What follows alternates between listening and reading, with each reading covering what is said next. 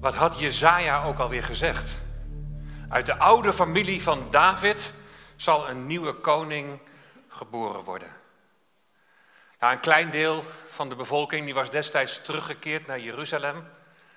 En Jeruzalem en de tempel die werden herbouwd. Maar daarna hebben ze nog een paar, jaar, paar honderd jaar lang geen koning gehad. En helemaal niet uit het huis van David. We maken nu eigenlijk een hele grote sprong in de tijd. We gaan naar het begin van onze jaartelling.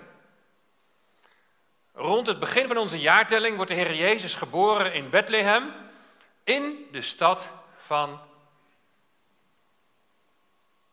De stad van wie? Ja, in de stad van David.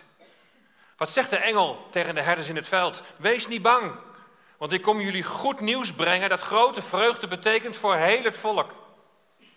Vandaag is in de stad van David jullie redder geboren. Hij is de Messias. Hij is de Heer. De belofte van Jezaja gaat ruim 700 jaar later in vervulling.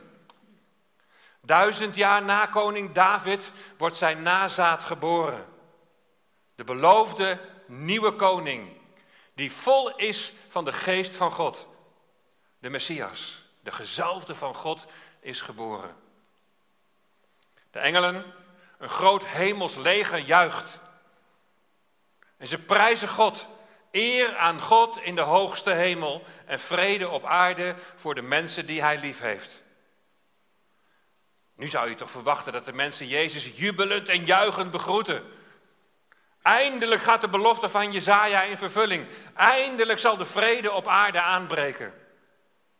Voor de Joden betekende dat heel concreet weg onder het juk van de Romeinen. Voor de Oekraïners betekent vrede dat de bezetter uit hun land verdwijnt. Ja, je kunt ontzettend je best doen om oorlog en geweld uit te bannen. Je kunt ontzettend je best doen om, om, om zinloos geweld te voorkomen.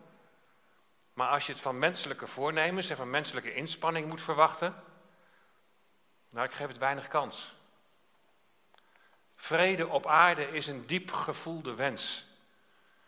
Misschien enkele uitzonderingen daar gelaten, maar in het algemeen zijn mensen op zoek naar vrede. Maar vrede gaat veel verder dan het ontbreken van oorlog. Er is bekering nodig. Er is redding nodig.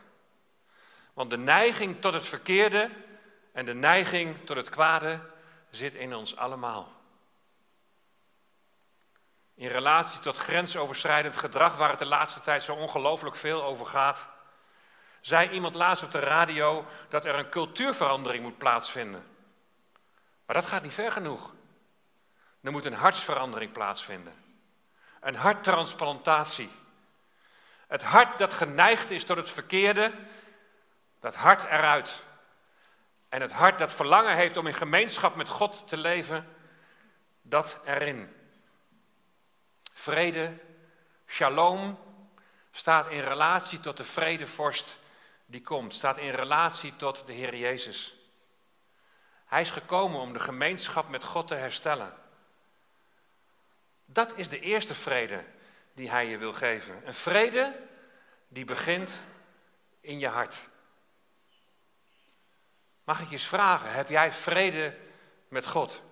Weet je, vrede op aarde begint met vrede in jouw hart. Aan alle vijandschap die er is in de wereld ligt vijandschap met God ten grondslag. De mens die zich van God heeft afgekeerd. In Jezus, het kind in de kribbe, keert God zich naar de mens. Keert God zich ook naar jou en naar mij. Hij wil ook jou en mijn redder zijn. Hij is die lang verwachte koning. Hij is de Messias, dat betekent hij is de gezalfde van God.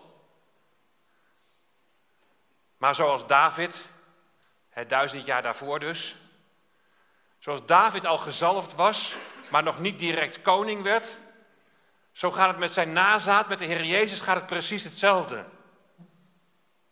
Zoals koning Saul David vervolgde, Zo vervolgt de huidige koning van deze wereld, de overste van deze wereld, de Satan, die vervolgt de Heer Jezus. De Heer Jezus die al gezalfd is. Het kind in de kribbe, hij werd de man aan het kruis.